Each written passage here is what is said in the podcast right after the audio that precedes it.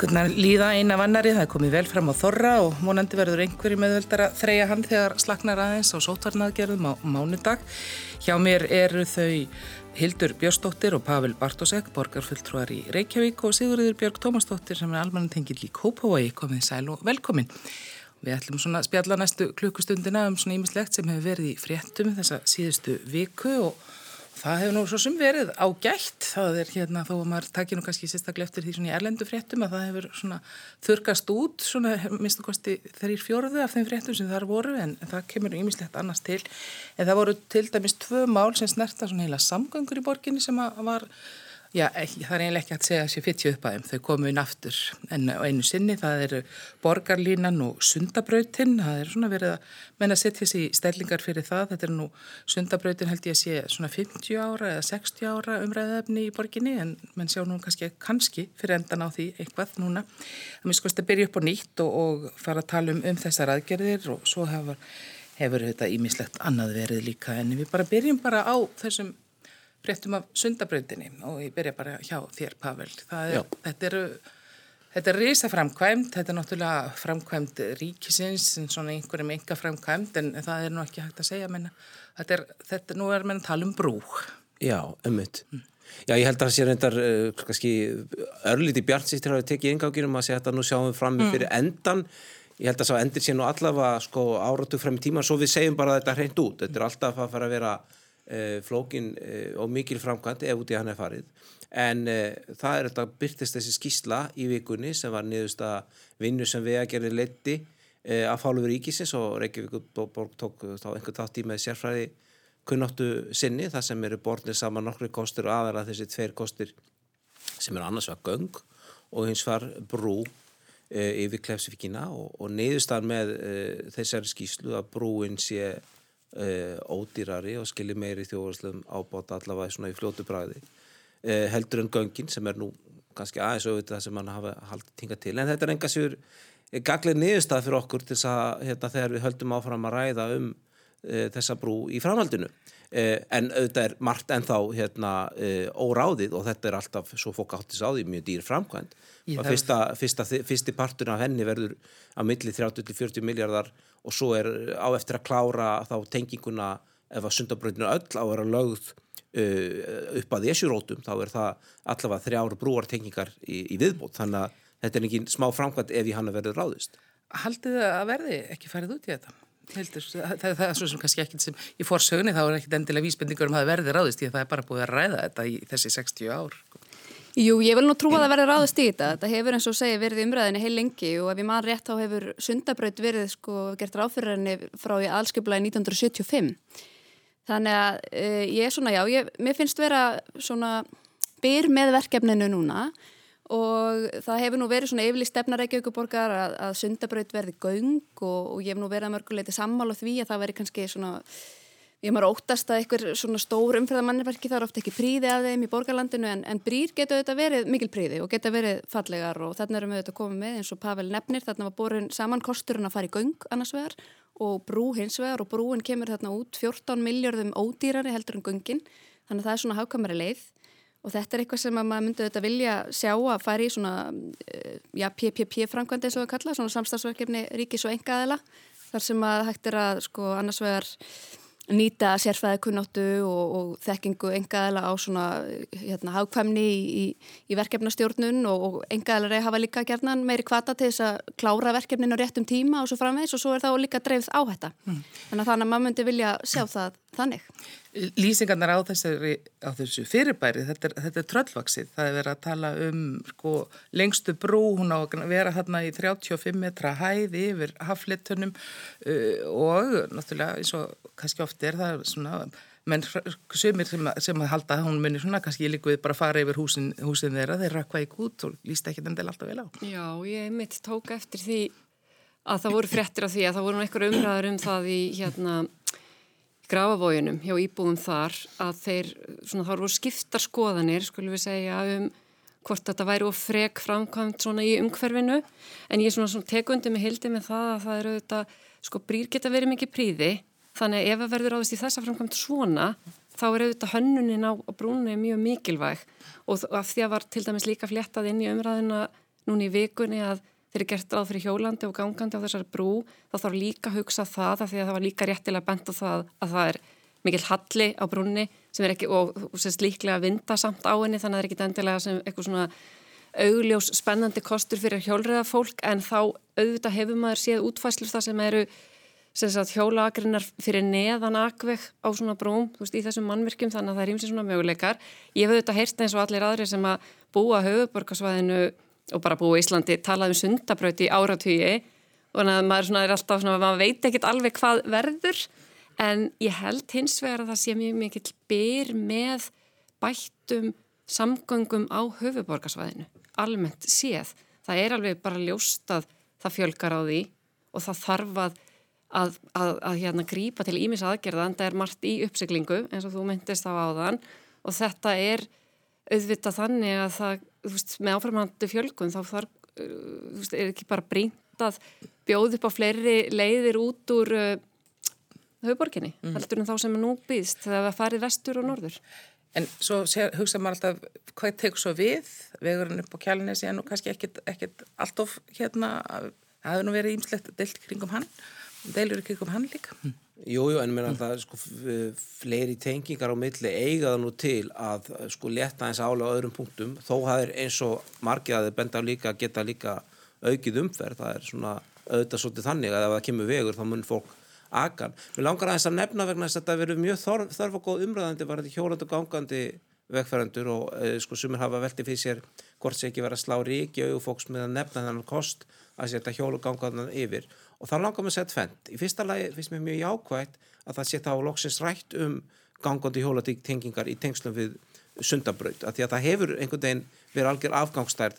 hinga til uh, og vissulega er það þannig að það eru, uh, sko, ef að við förum í þess að framkvæmja, þá eru uh, áskoranir, svo við notum það klísugenda hérna, orð sem felast í því að tengja gangandi hjólarna þarna yfir. Eitt er vindur sem er svona aðeins auðurleysarinlegri, það er alltaf leysanlegra Eh, hérna vandamál heldur en eh, eðlisra vandamál sem bara hæðamunur það er einhvern veginn ekki svona jafn auðvelt að fela hann. En þá vil ég bara svo fokk hafi ákveð samanbörð minna á það að sko hallin sem þannig er því er um, um 5% eins og við nefndu uppbrúna en hallin frá gullinbrú niðri og upp að bensinstunum á fjallkonu vegi sem er svo leið sem við farið í, í gráfindag er 6% þannig að er, þetta er ekki sko hallin sem er þekk ekki. Menn þurfa bara að stíga yfir hann með öðrum hætti og ég held að ef að menn gætu stíðið yfir hann og spara sér í leðinni 2 kílundra í bæin þá myndum mjög margi velja sér þá leið mm. bara svo ég nefnið að, að, að þessi halli er eitthvað sem gráðsbúar þekka í dag þeir sem fara þessa leið hjólandi mm. En þetta, eins og Pavel minnst ná hérna upp að þetta er nú bara, það er sem við sjáum ekkert fyrir endar á þessum brúarsporðin, hann er ekkert komin. En hvað er menn samt að sjá fyrir sér í tíma lengti sambandið verkefni? Já, það var talað um að það veri jafnvel hægt að hefja verkefni 2025 og því myndi kannski ljúka um 2030, það var eitthvað umræðað um það en svo þetta veit maður að svona verkefni geta tekst og tóast en eins og ég nefndi áðan að kosturinn við að fá engaðilega borðun er að þeir hafa meiri kvata til þess að klára á réttum tíma. En hérna því nú erum við að bera saman þessa kosti með brú og göng og þá erum við vegna þess að við erum að tala um gangand og hjólandi að það er nú kannski mjög óaðlaðandi og bara nánast útlokað að gera vanlega skilir fyrir gangandi og hjólandi í göngum. Þannig að ég trúi því að verkefni sé alveg leysanlegt á brú. Og eins og hefur komið fram í þetta líka þá eru þetta uh, stóra málið og eitthvað sem er hægt að gleyðjast yfir er að samgöngumál á höfuborgarsvæðinu eru svona meira á dagskrá en þau hafa verið lengi. Það hafa verið meira um það að það er að setja mikla fjármunni í samgöngumál uh, á landsbyðinni en málin okkar hér í höfuborginni hafa ekki verið leist og þá er líka áhugart að rýna svolítið sko, hvað höfuborgarbúar er að byggja um. Og uh, það var gerð fyrir höfuborgarsvæðið könnun á samgönguvennjum og fararmátum og því hvað fólk vill helst. Og þessi könnun var gerð svona yfir hérna, heldur, þrjú, þrjú tímabil og, og hún sýnir að í dag er það þannig að það er um 70% fólk svona að meðaltali sem að ferðast til vinna á bíl. Það eru flesti sem velja sér þann faramáta Uh, sennilega og sérstaklega vegna þess að það er skipulagið á höfuborgarsöðinu er þannig í dag að það er svona þægilegast og fljótlegast í faramátin en það sem vakti mjög mikla aðtegli mína er að svo er fólk spurt en hvernig myndur helst vilja ferðast til vinnu? Og þá voru 27% sem sögust vilja hjóla. Þannig að þá þurfum að hugsa hvers vegna er fólk ekki hjóla þó það vilji gera það. Það er vantanlega vegna þess að við höfum ekki búið upp á skilirðinn eða innviðina eða borgarskipulagi býður ekki upp á það. Þannig að það er líka eitt af stóru verkefnunum að nú erum við að tala um sundabraut og vonumst til þess að geta opnað þar möguleika fólk geti hjólað yfir og svo hefur verið er þessi mikla umræðin borgarlínu auðvitað líka en, en hjólreðar eru ekki síður svona stór þáttur inn í framtíðina. Það er eitthvað sem fólk er að kalla á og við þurfum að horfa svolítið á það í stóru myndinni. En það hefur heyrast nú líka oft rættir að, að að það sé þá ein, einmitt samtannig að það séu 70% sem er á bíl og það þurfi að leysa úr þeim málum sem að, að það fólk hérna, stendur frammi fyrir á, á hverjum degi og finnst ímsum sem áherslunar hafi ekki verið þar, Pavel. Já, það er líka þekkt að ef við leysum, ef við einbötum okkur að byggja vegi og bílastægi þá munum fólk nota þau. Við vitum það alveg á sama átt og hérna, í þeim borgum og löndum þar sem mann hafa lagt áherslu á aðra samgöku kosti eins og hjólreðar og, og, hérna, og stræt og það hefur fólk notað þau. En ég tek undir með hildi og það er, það er líka þannig umröðin. Það er rosalega sjaldan sem ég heyri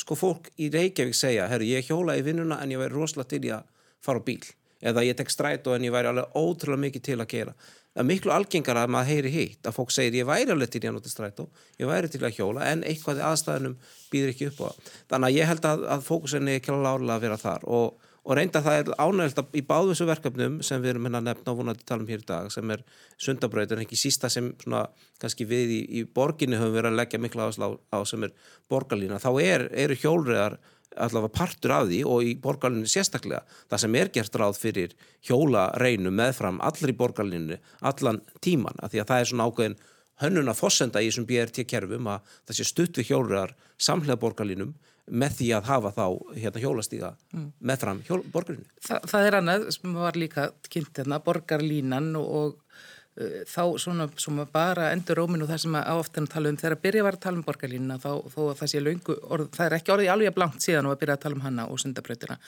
þá sáum minn fyrir sér einhvern svona lestakerfi. Það var bara, ég held að mjög margir hafi gert það hvort sem það var, var þannig frá uppafið ekki. Núna erum við að tala um, alltaf að tala um borgarlínuna, þetta eru vagnar sem er að keira þarna, en er mikil, þetta er mjög mikil framkvæm sem til þess að búa samt til þess að brautir fyrr þá og þetta hjólastígan og allt þetta. Þetta er svona alltaf á leiðinni, þetta mun líka kalla mjög mikið rask, heldur. Já, þetta borgarlínaverkefni hefur sannlega tekið miklum breytingum svona frá því umræðan hóst fyrst og uppháðlega varum eitt talað um lest og það var ekki bara einhver orðrómur, það var bara allt kynningarefni um borgarlínu hugmyndina var með þessum lestum. En það hefur nú verið alveg ljóst að mistakosti allt þetta kjörtímabil hjá okkur í, í borginni að borgarlína verði ekki lest. Mér hefur kannski fundist taka svolítið illa til að gera fólki grein fyrir því og það eru auðvitað alltaf líka þeir sem að vilja halda uppi þessum miskilningi. En það likur algjörlega fyrir og við sáum það á, á kynningafundi í gær og öllu kyn, núverandi kynningarefni fyrir borgarleinu að við erum að tala um hágæða almenningssangöngu kerfi. Ekkur er að hafa kallað jafnvel strætó með varalitt, bara miklu betra strætókerfi. E, og, og svo eru þeir sem hafa verið svona mótveldnir þessu, þeim finnst þetta að kosta á mikla peninga og að fara all áherslan á borgarlínu en þá má við ekki aðtekla því að samgöngusáttmálinn, hann, hann miðar hann er 120 miljardar fjárhæðir sem að fara í þetta og 50 miljardar af því fara í borgarlínu og svo erum við að sjá um 60 miljardar sem fara í stoppveðaframkvæmdir og ljósastýringar og öryggi á vegum og, og tæplega 10 sem fara í hjóla, hjóla og göngustíga. Þannig að stór hluti af þessu er að fara í svona stoppmeðina og bílaumferðina sem að fólk er að kalla eftir og það vakti jafnframt aðtegli mína þegar maður skoða svona framkvæmda áallununa að fyrstu árin að þá fer uh, já, næri þrefalt magn í stoppvegi og ljósastýringar heldur en í til dæmis borgarlínuverkefni. Þannig að það að fólku upplifi að það sé að vera að setja allan fókus á borgarlínu það er í rauninni ránt þannig að það er svona ágætt kannski að, að leiðrætta það. Mm. en mér finnst þetta hérna, vera komið svona Það er svolítið búið að draga einhvern veginn úr þessu, það verður ekki eins umfangsmikið og tilstóði fyrstu þá og ég við lestakerfi. En að samaskapi þá þurfum við að passa að kerfi virki og við þurfum að halda með því og, og þetta er ekki lengur spurning um hvort borgarlína verði, heldur hvernig hún verður og núna er svona umræðan ekki lengur um hvort heldur útvarslunar mm. og þannig að þeir sem hafa eitthvað í máli að segja og eru á móti, ég ættu kannski frekar að fara að einbita sér að því að að tala um útvarslur. Eh, Borgarlínan, þessi fyrsti áfangi sem áður verið að tala um í gær, hann fer nú bara inn í hjarta Kópós, inn í mm -hmm. Hamraborginni. Hann fer sem sagt hérna, yfir nýja brú yfir fósfóin sem er eh, svona í undirbúningi og er, verður hannuninn búðin út bráðum og svo upp að Hamraborg og svo heldur auðvitað vagnin áfram allavega upp í Vassanda þessi fyrsta lína sem að, sem þó að sko, hún verði ekki sérri með eftir Hamraborg þá er hún veist, gríðilega góð tenging í gegnum, svona, í gegnum Kópavók sem er, eh, er langur og mjór bær. Og er alveg bara, frábært verkefni fyrir, þú veist, þess, þess verður fyrir þetta allt höfuborgarsvæðin í svona fyrsta áfanganum njóta Reykjavík og Kópavóur góðs af. Og þetta er bara sagt, komið á þann stað að nú er verið að, að, kynna, er verið að kynna þessi frumdrög og einmitt eins og Hildur segir þá gefst uh, fólki tækifæri til, veist, það verður samráð núna í þessum áfanga. Og þetta er auðvitað eins og kom fram í kynningunni gær misflókið eftir uh, áfengum innan þessa fyrsta áfangaða þannig. Hvar hvar verður svona, hvar er þrengra um? Bara hvar er pláss Já, hvar er pláss, þetta er svona, þetta er, það er þröngt um á eins og í kringum tjötnina og, og borgarhalsbröðina í Kópavogi, en það þarf svona útfærslur þar meðan það er meira pláss eins og á Suðurlandsbröðinni, ef ég skildi það rétt. Já. Og þetta, en þetta er bara, þetta er verkefni sem að í rauninni þú veist, auðvitað er þetta háar fjárhæðir en það er verið að setja annað eins í, í, í vegi, þú veist, þannig að þetta er bara mikil, hérna, mikil samgöngu bót innan höfuborgarsvæðisin sem ég held að sé bara muni verða líka mikil sáttum og af því að þú veist að tala um samgönguvenjur hérna áðan, þá held ég að sko uh, við höfum auðvitað verið mikið svona á enga bíl hér á höfuborgarsvæðinu en ég held að þetta sé að breytast mikið og yngri kynnslóður vilja fara í á hjólandi og líka í almenningssamgöngum. Ég menna ég tek nú sjálf oft ásinn sem að er hraðleið hjá strætó. Það er bara vagn sem er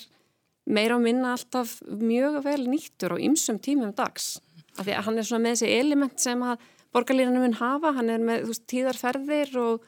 stoppar sjaldan en þú veist fer hægt á milli staða. Það er bara eftirspurn eftir því. Það hefur samt á, svona í gegnum tíðina ofta ekki gengið alveg nógu vel til þess að það hefur verið, verið settið peningar í breytingar á strætókerfunu, það hefur verið fækkaferðum, fjölkaferðum, mismunandi tími og maður sér það reyndar þeir sem fara í strætó og, og þeim, þeim hefur samt ekki fjölka kannski hlutfalli við þær tilraunin sem hafa verið gerað til þess að, fjölk, til þess að fá fólk inn í strætó. Nei, en þetta hafa þær tilröðun ekki verið á þessari starðagráð, svo við segjum það líka. Aðeins bara til þess að svo fólk um, svona haldið það ekki að hafa einhvern veginn alltaf verið gert ráð fyrir lest og síðan mm. því sjankaði einhvern veginn með tímabrunni, þá var þegar að borgarlið verkefni hóst gert ráð fyrir yfir þessi tvei möguleikar og síðan er það kói skíslan sem kemur út fyrir núna tveim og hálfa ári síðan, þar sem þessi kostur eru bara vegnir nokkuð vel saman og kemur ljósa við íslenskar aðstæður, þá er betra að fara í svo kallar BRT-kerfi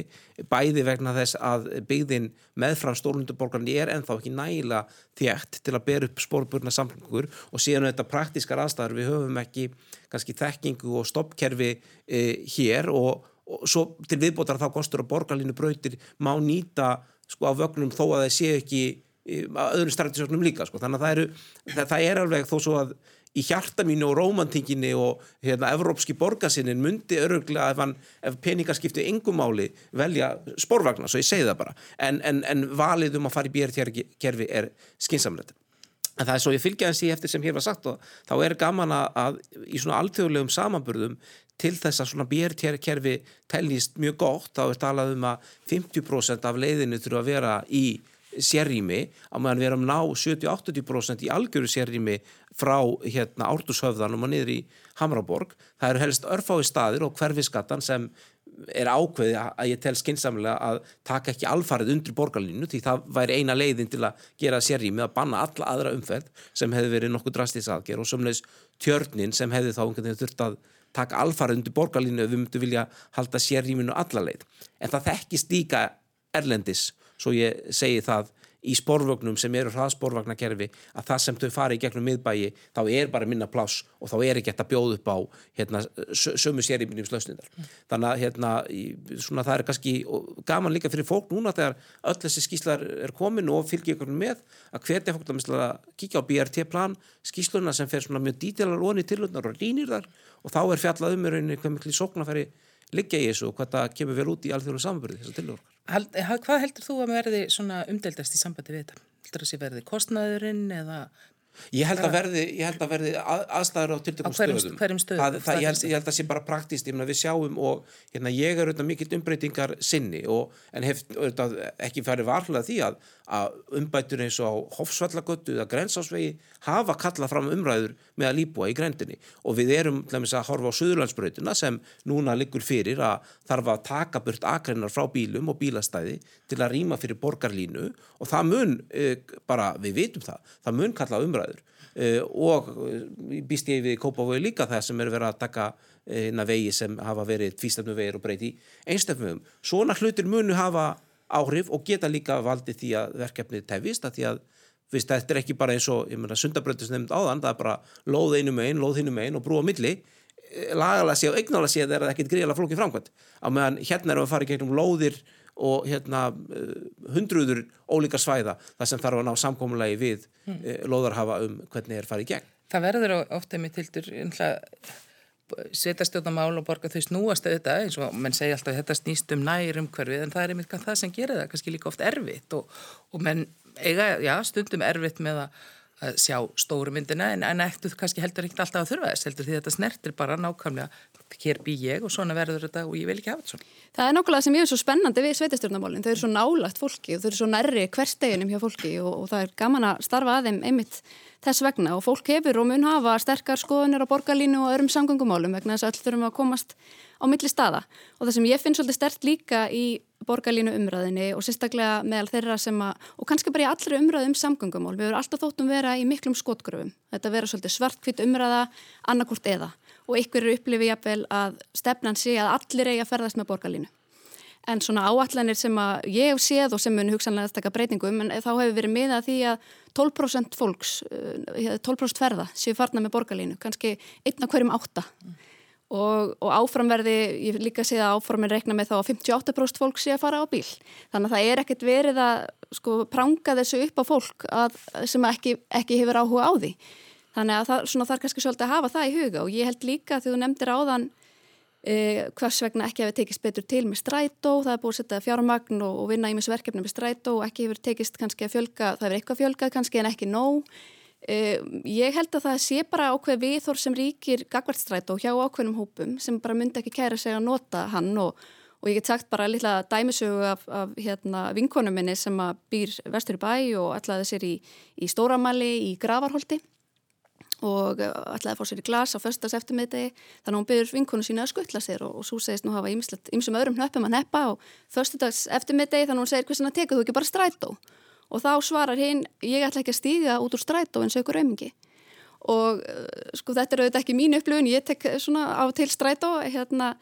en, uh, en þetta er upplifun margra. Já. og ég held og það er eitthvað sem að, svona ímsir kannski markasérfræðingar hafa líka talað um að sé mikilvægi borgarlínu er að við erum að markasetja almenningssamgöngur betur og við erum að koma með svona kerfi sem að hendar fleirum og fleiri geta kannski samsamað sig við. Og ég held að framtíðin í samgöngumálum sé að vera svona svolítið flex og svejanlegur og ef ég lýsi bara venjulegum degi í samgöngum hjá mér þá get ég kannski gengið til vinnu að mótni svo teki raflaupa hjóla á næsta fund og kannski leigubíl heim og svo nægi bílinn og skuttla börnunum í tómstundir og fyrir að útrétta og svo hjóla til vinkonumennur um kvöldið eða eitthvað. Maður kannski nota marga mismunandi faramáta yfir daginn og það þarf að passa umræðan sé ekki einstæringingsleg og við kannski opnum hugan og augun fyrir fleiri möguleikum að stundum hendi okkar að nota bílinn og svo getur borgarlína verið alveg upplöð við annað tækifæri og svo hjólið eða, eða fæturnir. Kannast þú við það, Sigurður Björg, að ég fólk vaksi upp úr strætó og, og það sé ekki bara fyrir, nema fyrir þá sem ekki geta annað? Já, sko, já, já, þetta kannast ég við það og ég held að svona einhverju leiti hef ég nú tekið eftir þessu ummitt í, í kringum mig og sko, sumir eru bara það er svona nokkur element í þessu. Auðvitað eru bara, hafa sumir bara vanið sig á það frá þér og litlir. Þau tóku strætó, áður en fengur bílpróf og bara hafa haldið þið áfram. Og þá kannski skiptur máli einhverju leiti að þú búir þannig og sérst að fara að þanga það, veist, það séð þælast samgangur á milli. Og hérna það, er, veist, það langar engan að vera 40 mínútur í strætó en þú veist og þá er kannski, þú veist kannski kortir að keira, það verður of mikill munur. En svo hef ég séð líka hérna fólk sem bara hefur aldrei farið í strætó, eða oft talaðu fólk sem bara hefur aldrei farið í strætó. Það hefur bara aldrei nota strætó á höfuborgarsvæðinu en fer kannski til útlanda í, í borgir og hendi sér í metro og, og, og strætó þar og finnst það ekki mikið mál. Þannig ég er svona, veist, þetta er einhver vani líka, einhver menning en ég er, veist, held að þetta sé, við séum með hérna vindin með okkur núna sko og þú veist, fjölbreytti samgangumáttar eru mjög, þú veist mikið líkilatriði að fólk bara fer að fólk noti bara fjölbreyttar leiðir og hérna ég held að borgarleinan komi sterkinn þar. Mjög flott kynningarefni nota benni sko flottar, flott sem þið voru að presentera þannig gær. Uh, sko og því að, því að þetta er eitthvað svo þú veist, það er, við vitum að það er mikil mengur sem fylgir því ef allir á fullorðnir á heimili eru hver á sínum bíl og allir er alltaf að keira einir til og frá, það er svona eitthvað skrítið við það, er það ekki? Þannig að það er gott sko að geta bara gripið til ólíkra hérna Vi, við, erum líka, við erum nú líka svona stundum veður hannar, það er kannski fólk já, núna í snjó, afar snjóléttum vetri í borginni, þá erum við jákvæðri til í garð annara ferðamáta heldur Já. en þess hins hlýja enga bíls. ég veit ekki, kannski svona finnst að þau skoplega sko að mætti þetta halda vist, að umræðinu hérna mitt okkar að þetta væri sko heimsins óumdeildasta Ja, verkefni samlega. sem, sem náttúrulega auðvitað við vitum er ekki sko Hú, veit að við vitum við að hérna, það eru til hérna, andstæðum þetta bæði á hóðbrukarsvæði og í borgarstjórn og í sveitafjölunum og á þingi þannig að það er, það er enn mikið verk óunnið, mér finnst þetta gaman að vonandi að verðu þannig að þessi flotta kynning og, og, hérna, og það sem ég er hér, hér að hildi vinkonum hérna í, sem með minni í settunum því það að það kannski verður auðvitað meiri meðbyr með verkefninu vegna að við þurfum þetta á því að halda. Eh, eins og ég nefndi þá eru flókin verkefnanin og þetta er líklegast eitt af flóknasta sko skipulasta verkefni sem borgin hefur ráðist í og nágrann sveitafjörður líka. Þannig að við erum ekki bara að taka auða lóð og leggja vegi gegn, við erum að fara í gegnum grófið eh, svæði uh, og hérna það getur þá veist, valdið töfum og, og ymsu ef það gerist. Þannig að, þannig að það mér finnst bara mikilvægt að sjá og heyra að breyðar í stuðning heldur en ég Það var nú margir, margir bara að pyrra sig á framkvæmdum í borginni og í miðborginni. Það eru búin að vera hjáleiðir til dæmis í lækjargötunni og út við hörpu sem hafa verið bara árum saman og sér ekki fyrir endana og, og þetta eins og við hildur tölum bara þegar maður, þegar maður mætir þessu sjálfur heima hjá sér eða á sinni eigin leið, þá veldur þetta alltaf miklu pyrring. Það gerir það sko. En ég vil líka nefna og það er hérna, eitthvað sem kannski mun koma fólki á óvart að, að í alþjóðlegum samanbyrði á þessum að hendi því alltaf þá er auðvitað ekki þannig að höfbrukarsvæði sé það svæði það sem umferðin er þingst eða fólk er lengst að ferðast. Við getum farið á, á síður eins og númbi og það sem fólk ber saman ferðatíma sinn í ólíku borgum. Það eru flestir, flesta borgi, jafnvel borgir okkur stær sem búa við eh, erfiðari kjör hvað það varðar. En það sem við erum bara að horfa fram á núna, að ef við ætlum að halda svona áfram og ætlum að reyna að uppfylla kröfur sko, Parísasáttmálans og þau viðmið, þá getum við ekki haldið áfram að byggja breyðar í vegi og einbytt okkur því að 80-90% fólki fari einungis á engabíl e, til og frá vinnu. E, við viljum samfélaga þess að fólk sem hérna, vinnur á einu stað, vinnur einhver staðar og býr á öðru stað geti að stórum hlut allavega valið að ferðast daglega, þess að einföldu daglega ferð til frá vinnu með hérna, einhver öðrum kostum heldur en á, einu bíl. Klukkan er hálf tólf, þau sitja hérna hjá mér, Sigriður Björg Tómasdóttir, Pavel Bartosek og Hildur Björnsdóttir og við höfum aðalega verið að tala um samgöngumál í borginni og í, í miklum samhljómi eins og Pavel segir og kemur hann bara nánast ávart, heldur kannski verði ekki alltaf alveg þannig þegar þetta menn fara að takast á um þetta í borgarstjórn. Hildur, það er ekkit allir samálaðir. Nei, nei, það er ekkert allir sammála og það er nú bara svolítið eðli stjórnmálana og mér finnur bara þótt að skemmtilegt og ég held að maður komi oft uh, svona komist að bestu niðurstöðunum þegar ólík sjónami mætast og maður er að ná okkur í góri lendingu. Og það er eins og, bara ef við tökum að því við erum að ræða borgarlínuverkefni, það hefur auðvitað tekið breytingum frá því að það var í umræðinni fyrst og, og eins og kom fram í gæri kjölfar kynningar á frumdraugum að þá þá mun, munu draugin líka geta tekið breytingum þannig að það er svona sveirum fyrir umræðu og samtal um hvernig við viljum hérna haga þessu öllu saman. Þannig að við viljum auðvitað að sé svona ríki um þetta eh, sem breyðust sátt. E, við, ég nefndi hérna í upphafi að við erum að tala um það að það var tilkynnt í gæra og frá með mánudegi þá að ég slaka eins á sóttvarnaðgerðum og, og það hefur nú svona verið heldur deyðarlegt finnst mörgum yfir borginni og, og svo sem viðar fannst ykkur það er verið svona áttur vonaðir þið meira eða heldur þetta muni breyt einhverjum mér byrja bara hjá þér. Já, mér finnst þetta nú, sko þetta voru mér langar reyndar aðeins að bæta einu við bara hérna borgarlinna lokum hérna að, að því að það er sem sagt núna svigurum fyrir samráð og kynningar og, til dæmis að því ég veit auðvita að þetta fer borgarlinnan gegnum Kársnes er bara það er mikil umræða um, um hana á Kársnesunu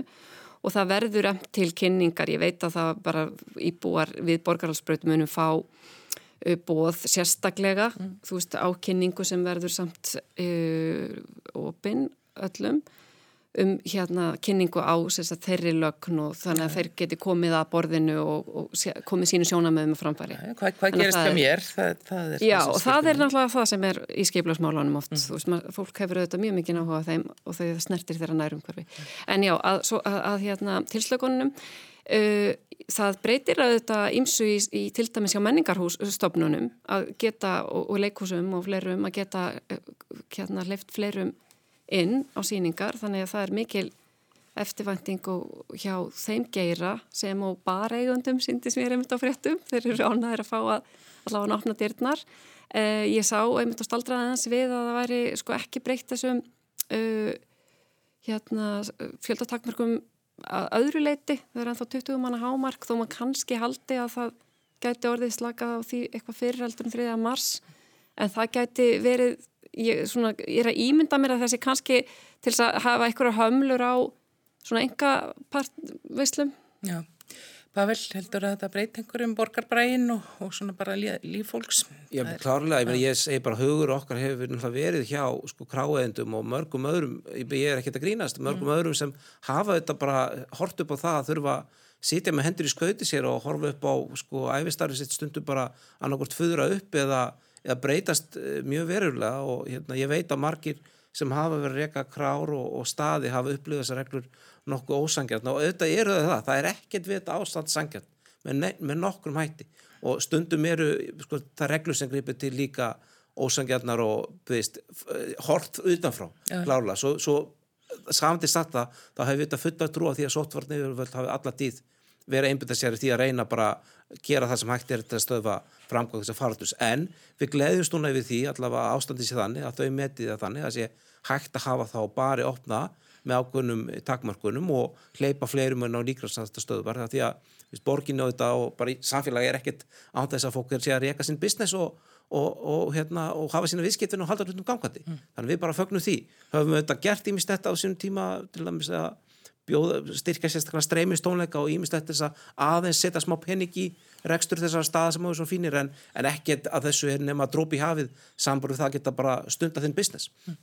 Hildur, til stakannar, hvað? Já, ég held að svona mánuðnir sem á undan eru liðnir þá með notum þá þinn þetta frasa engi veit neitt og allir er að gera sitt besta og auðvitað vil maður trúa því að, að svona sótvarnar yfirvöld séu bara að gera sitt besta í stöðinu. Ég, maður átti kannski vona að vera litið meiri tilslökunum sérstaklega svona hvert einstaklingum og, og fólki og auðvitað fagnar maður því að þarna sé ringa til hjá kráarægendum. Ég hefði nú kannski viljað sjá. Það er tilslaganir bara að taka gildi fyrir helgina því einn helgi getur bara skipt greiðlega miklu máli í reksturinnum. Þannig að maður hefði nú viljað sjá það en eh, já, maður vonar nú bara auðvitað að það slakni á þessu öllu svona hérna hægt og rólega og ég er nú svo mikið bjart síns manneski að maður vona bara að þetta sé allt saman að liðundur lók og nú bara daginn farað að lengja og maður finnur lyktina af vorinu, er það ekki alveg hægt að segja það í februar og, hérna, og bara svona bjart framöndan, ég trú því. En þetta hefur náttúrulega verið, það eru þetta margir komnir, ekkert bara þólmörkum, heldur langt fram úr þeim og, og það er marg, margtuggið en, en fer, það munar auðvitað um miljón túristar sko. það, það er ekki, og þegar svo allu er, er læst alveg í harðlæst, þannig að þetta er svona þetta munu þetta hafa áhrif, bara varanlega áhrif og rekstur marga í borginni. Auðvitað, gríðarlega áhrif og, og núna bara sér maður og, og ég var að lesa svo góða greiningu á til dæmis hvernig Veslunarveldi geysis í rauninu, maður getur sagt það, sko, hófst og, og hvernig það síðan einhvern veginn hefur liðið svolítið undir lók núna, vonandi náðið einhvern veginn að koma til þessu fótunum aftur, en það eru auðvitað gríðarlega erfitt hjá mörgum og það eru, hérna, ferðamanna einnaðurinn hefur skapað gríðarlega mörg störf á Íslandi og greiðlega miklar tekjur og, og það bæði sko byrjar með falli VAR og svo kemur COVID, koronavirufaraldurinn þannig að þetta hefur aftur rosalega mikil áhrif á marga og það eiga þetta margir bara um sjálft að binda í þessum aðstæðum núna. Annars verður að missa sko sinn rekstur og lífsviðværið, fólk að missa vinnuna og fólk mun missa, missa sannilega vinnuna líka sem ekki hefur gert það nú þegar. Svo eru þetta einhverju sem hafa vext eða upplifað mikinn kvíða og mikla félagslega einangrun. Þannig að við erum auðvitað ekkert alveg búin að sjá öll, allar afleðingar þessar faraldurs strax og það munur að taka eitthvað ára svona að gera það svolítið upp og átt að segja á því hvaða áhrif þetta allt sem hann hafiði. Mm. En svo má þetta líka horfa á tækifærin sem að í þessu félast og hvað við getum lært og, og, og það allt saman svona svo ég heldur mig áfram á jákvæðunótunum sko og þá til dæmis getum við hort á eins og fjárvinnuna sem að þetta sko er kannski, eh, maður hefur líka ágjör af henni í ofmiklu, ofmiklumæli að fólk sé ekki félagslegum tengslum en það að maður séu stór fyrirtæki hafa núna innleitt til frambúðar 1-2 eh, fjárvinnudaga eh, í viku og mér var svo skemmtilegt hvernig fórstjóri orkuveitunar talaði til dæmis um það í vikunni að nú ættum við, ég sitt þess að stjórn orkuveitunar, að nú ættum við að hætta að tala um fjárvinnu og tala bara um vinnu og það skipti engum máli hvort við varum stödd á skrifstofunum eða undir súðinni heima hjá okkur, við varum bara í vinnunni og ættum svona að virða það fyrirkomlag. Pavel, maður sé nú kannski heldur ekki alveg fyrir endan á því hvað áhrif það hefur á borgarlandslægi eða allir sýtti bara heima. Já, ég er samt ekkit vissum að það hafi endilega svo slæm ári, ég er ekki vissum að ferðarlag til og fara á vinnu sér sápartur af, af deginu sem fólk vil endilega halda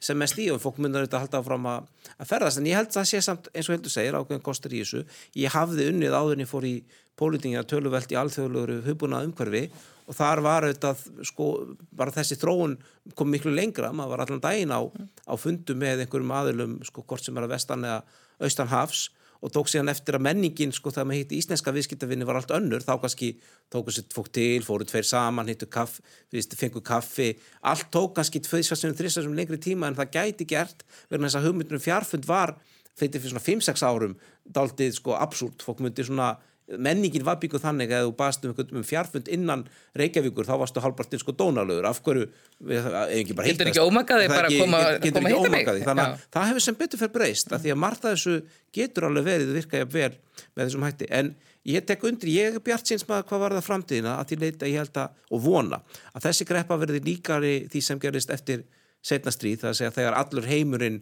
sko, um leiðan verður bólusettur þá mun hann vakna til lífsins og allir mun aftur fara stað, frekar en kannski einhverju löngum fjármálagreppum þar sem menn eru svona hverjað feitur öðrum að, að ná sér upp úr, þannig að ég er svona vonast að hvernig það verður en, en að þegar við förum að stað þá förum við að stað með eins og kortæpi. En svo nú stundum talaðum það í sambandi við fjárvinna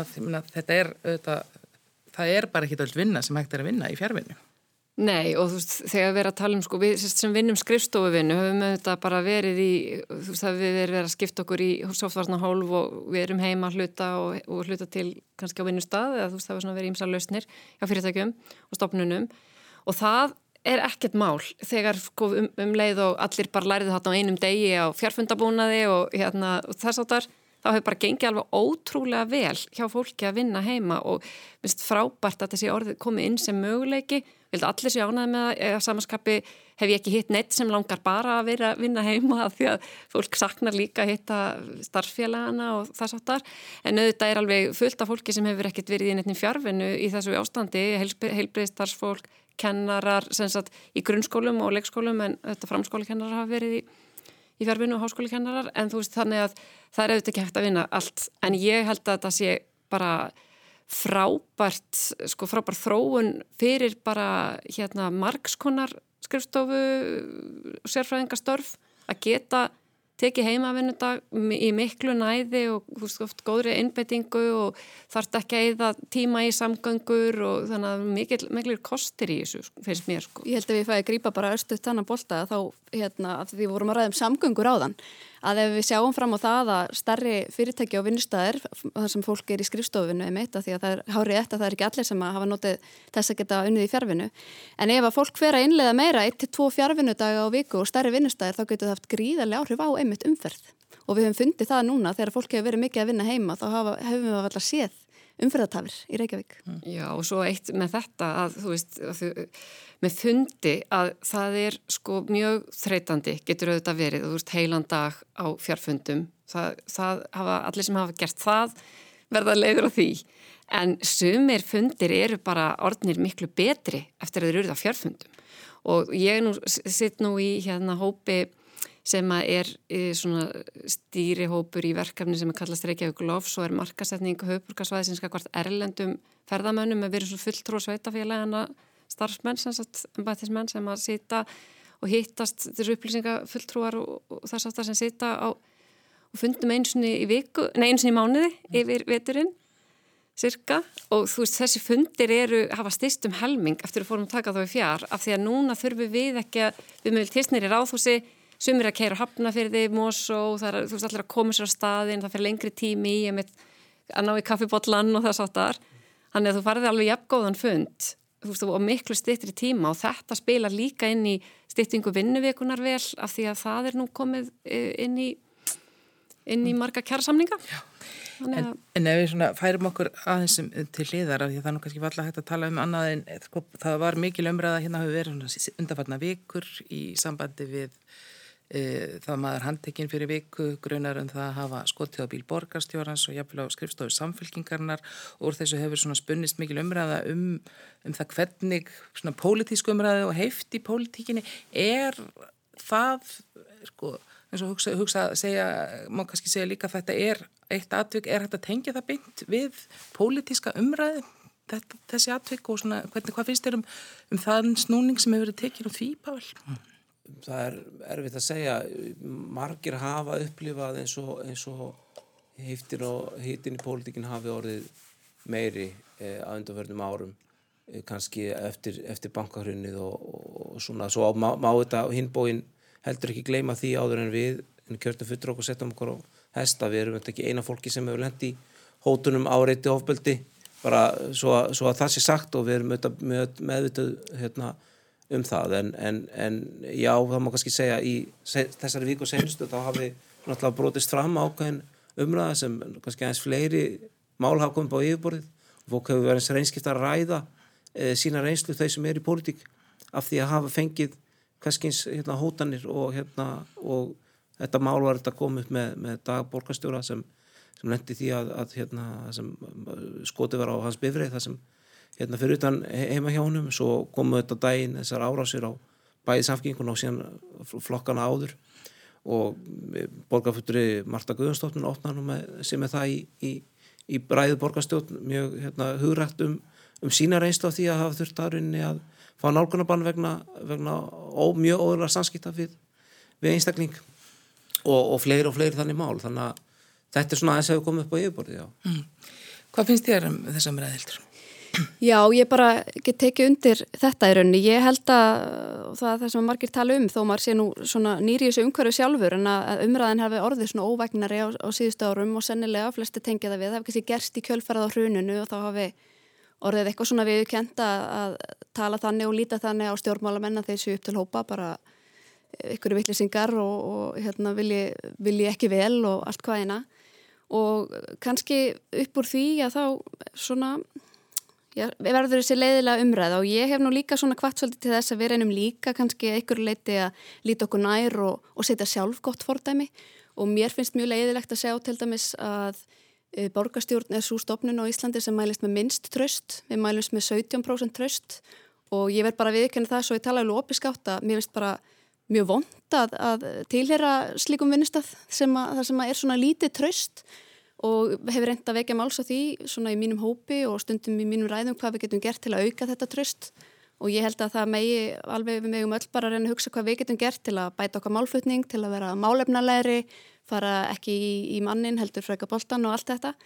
Uh, og það, því að gerðnan er það þannig að þegar umræðan verður ómálefnileg og þegar að fólk viljandi er að dreifa miskilningi og ósanendum sem að gerðnan gerist, að þá vekur það upp kannski mikla reyði hjá, hjá fólki eða borgarbúum eða almenningi eða hvað ég á að segja og það getur svona,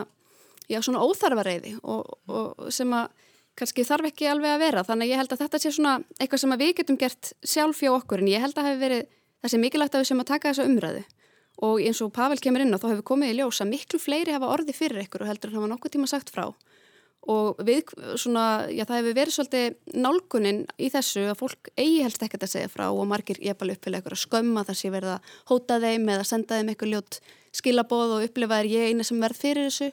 Þannig að ég held að það sé mikilvægt að fá þetta fram á yfirborðið og við þurfum núna bara að fara í að kortleika stöðuna og bæta svona þessa ferla og ég held að það sé mjög mikilvægt að við setjum okkur þá vinnureglu að að tilkynna svona lagað. Mm. og þá er ég ekki að tala um að senda eitthvað fréttatilkynningu heldur að tilkynna það til lauruglu vegna þess að það er nú yfirleitt þannig. Og það er mikilvægt að halda því til haga. Þetta eru ekki einhverjir hópar sem eru í einhverjir skipilæðri ógnarstar sem ekki eitthvað stjórnmálamönnum. Þetta eru nú yfirleitt bara einhverjir einstaklingar og gerðnan er það þannig og svona sprettu gerðnan upp í aðstæðum eins og eru við mitt núna upp í samfélaginu eins og við fórum yfir á þann það er, við erum á, á þessum COVID-tímum fólk hefur verið að missa vinnuna og lífsviðværið og, og er einangrað og kvíðið og því líður illa og það er oft yfirleitt hannig að þegar fólk gerir svona laga þá er það það er aðþrengt og það er í einhverju örvendingu og það er, á þess vegna er svo mikilvægt að við tilkynum vegna þess að oft har bara að veita þessu fólki eitthvað hjálp. E, það er svona líka samt ef en er hérna, sangjand að setja þetta í samhengi við sko, heift í pólitískri umræðu milnins vegna þess að þegar að menn, ef að menn fara langt, langt aftur í tíman þá er það nú alls ekkit nýtt að menn takki stort upp í sig í pólitískri umræðu. Það er kannski bara, já, segir mann og enn og aftur það er kannski dreifingin sem er öðru vísi heldur en nú var. Mm -hmm. Já, einmitt, ég var nú lærið sagfræð á sínum tíma og ég mann þegar maður var að lesa sko blöð og og e, þess áttar frá svona eins og öðrum og þriði áratögnum og þess áttar þú veist það var bara þvílíkt, maður var svona sjokki yfir orðbræðinu í, í greinaskrifum á milli stjórnmálamann á þeim tíma. Fannst það einhvern veginn vera allt öðruvísi en þá var sko, þetta er svona kring, upp á 90 sem ég er sakræðinni en allavega það er rétt sko, það er auðvitað Sagt, komin svo mikil veist, það er svo mikil tjáning alls það er sínileg núna, bara þú veist auðvitað, langt síðan var opnað á kommentarkerfi fyrir neðan fréttir og það er nú ímislegt sem grassarar, svo auðvitað er samfélagsmeilar vettvangur fyrir fólk að tjá bara sína skoðanir og, og, og hérna það, því fylgja margir kostir. Alls konar mál sem hafa komist á dagskrá út af samfélagsmeilum af því að fólk getur bara tjáð sig millilega laust og og ef það fær hérna undirtaktir þá vekur það ofta aðtegli svona í starra samhengi í fjálumölum og þess aftar en það er auðvitað líka margt sem, sem grassirar á þessum vettvangi sem er kannski ekkit það hugulegt sko. við höfum verið að fylgjast með því svona sem að við sem bara fylgjast með sko. það, er, það er auðvitað gallin sko. En við verðum þetta að nefna sem betur fyrir er þetta mjög eináklu tilvík þannig að já. þó svo að sé auðvelt að draga uh, sko hugringatengstan á milli þá skulum við samt svona hvað skal segja, það er alltaf þannig að langflesti þeirra sem eru aðþrengtir grípa aldrei til ofbeldis, þess sem hafa mist vinnuna og eru fátakki grípa ekki til ofbeldis og ekki frekar heldur einhver sem er í góður stöðu, já langflesti þeirra sem eru reyðir og tjá sem er mjög ábærandi hætti og ég mér eitthvað undan því þegar fólk er að gaglina störfans með hérna, mjög gaglin hætti á netinu, grípa aldrei til ofbeldist, þannig að við skulum hérna, vonandi ekkit hérna, horfa fram á sig koma einhver tískubylgja í, í aðra veru og, og hérna, leifa kannski bara lögurna að klára sér mál núna og, og hérna, með öllum þessum tilfellum og, og vonandi að við þurfum ekki einhvern veginn að líta á það sem einhvern stað það sem eitthvað breytist. Að sjálfsögðu er það svoleiðis, að sjálfsögðu grýpa langfæstir og þetta eru algjör sko jáðar tilvik þar sem að svona lagað er. En, en það hefur komið fram svona í samtölum við lauruglu og það er gerna þannig að það er fólk sem að grýpur til þessara uh, svona, hvað ég segja, aðgerða að það er svona svolítið kannski íllastatt sjálft. Og þess vegna grýpur það til þessara svona úrraða en það eru auðvitað algjör, algjör jáðar tilvik en svo ég grýpi líka eins boltanvarandi stjórnmála umræðina þá og í dag. Að stjórnmálamenn í dag búa auðvitað við allt annan veruleika heldur en fyrir einhverjum áratögum síðan. Umræðan eru auðvitað gríðilega hröð og aðgangurna upplýsingum líka mjög mikill. Og það var þannig áður fyrir að ef einhver slengdi fram einhverju skoðun á, á,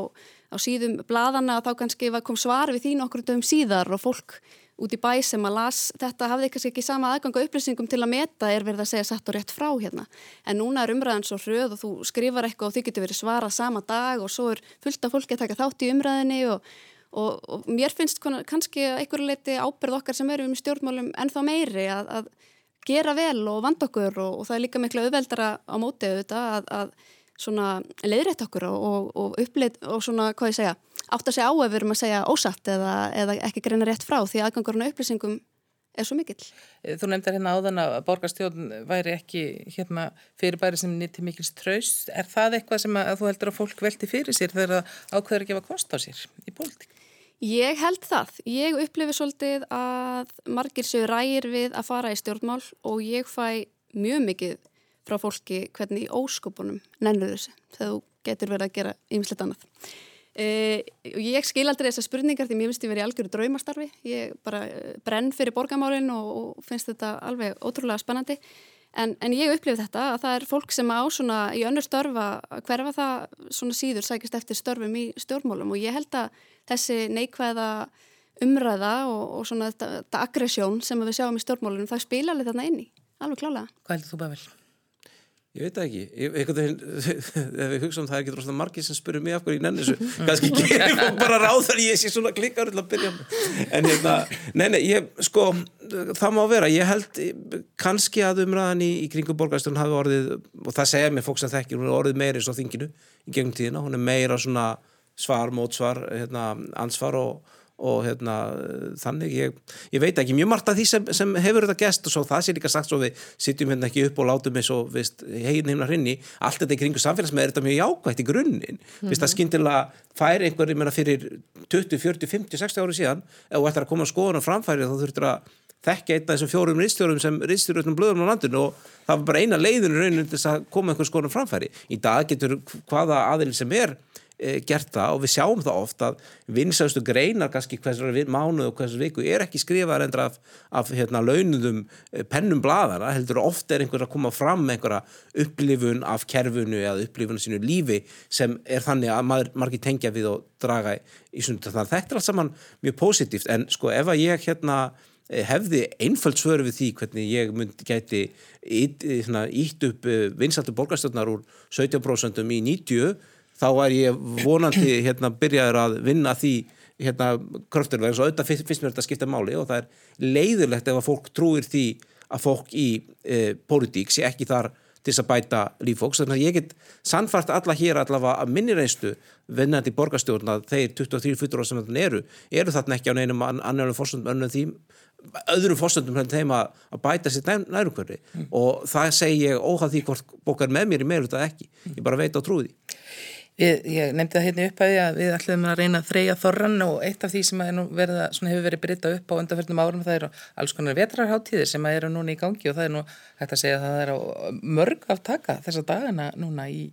bara á höfuborgarsvæðinu öllu og, og viðar. Já, það er, sko, vetrarháttíð hefur verið haldinn bara um, um ára bil og sérst, spratt í rauninu upp úr sérst, sapnanótt sem hefur verið haldinn á förstu degi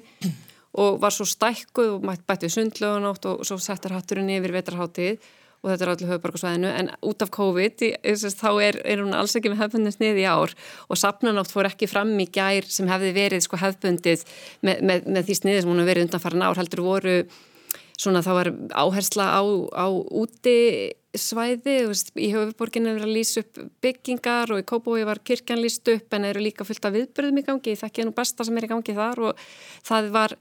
Að, til dæmis tónleikar en þú þurftir að skrá þig að því að út af fjöldatakmörgum og þess, þess aftar sko. En það er mjög margt í gangi.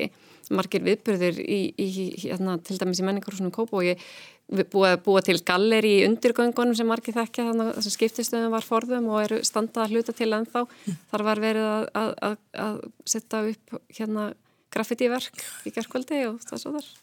Svo brá nú svona fyrir aðeins líka bara í fréttum mikið æri en það er, er næg að taka ennþá núna melkina. Já það er næg að taka, það er mitt vetarháttíð í, í Reykjavík og hefur staðið núna yfir hérna síðustu dag og út helgina og maður auðvitað verður bara að lýsa hvað ég segja, maður bara stórkastleiri undrun og aðdáðan og því hvað fólk er að finna nýja leiðir til þess að halda svona háttíðir þrátt fyrir COVID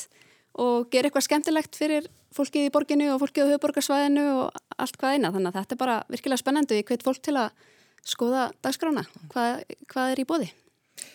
Er almenn þáttaka, Pál? Nú bara játa, ég veit ekki, ég sé náttúrulega eins á samfélagsmeðnum fólk að posta sínum hérna, upplifunum af hérna, ljósunum í bænum og vetraháttin, ég er ekki neinar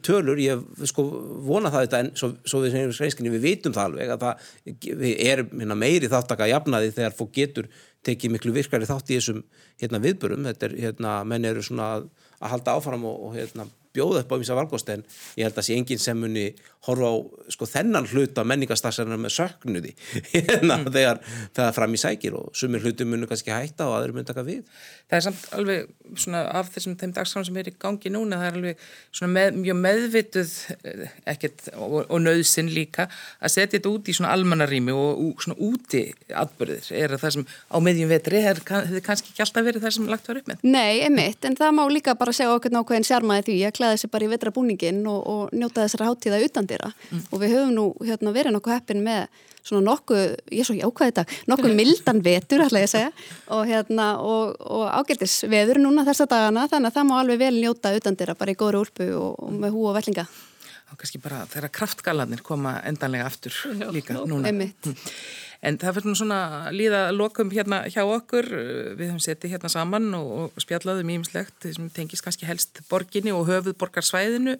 Eh, það svona bara fyrir að líða lokum hérna hjá okkur og bara spyrja fólk hvað ætlaði svona að gera. Ég er búin að leggja eins og rækilega vetur á því þeirra. Pál, hvað ætlaði að gera þessum eftir líða dags? Já, ég veit, ég nú að fara í annar svona þátt á morgun að tala um borgarlinu og sundabröðina, hérna ég hérna er nú bara svo, svo upptekinn að vinnunni þessa dagana, ég er að lesa þessa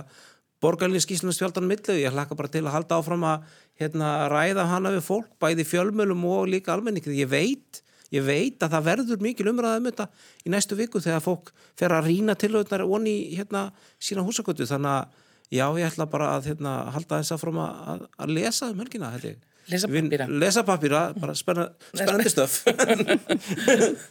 Sigriður? En núna bara beint eftir þannan hérna þátt hér er ég að fara í heiðmörkina að hlaupa hins og nefnda ríkisring sem kallaður er, sem er 12 km ringur þar sem var vinsallja utanvega hlaupurum. Þannig að ég ætla að vera á, njóta útivistar og svo eftir það er svona óráðið en eitthvað, eitthvað kiki og Eitthvað leggst- eitthvað eitthvað leggst manni til. Hildur? Já, ég hérna er að fara með dætu mínar tvær í leikhús á leiksýninguna Treði í Tjarnabíu og það er svona ein af sýningunum sem við áttum miða á í haust og frestaðist vegna COVID, þannig að við erum voðalega spenntar og svo í kvöld er ég að fara að hitta vinkonum mína sem voru með mér í stúdendapolítikinni og við ætlum að gera okkur glæðan dag. Mm, og talið inn. En ég þakka ykkur kærlega fyrir komina til mín í vikulokkin. Hildur Björnsdóttir, Pavel Bartosek og Sigriður Björg Tómasdóttir, veriði sæl. Takk. Takk.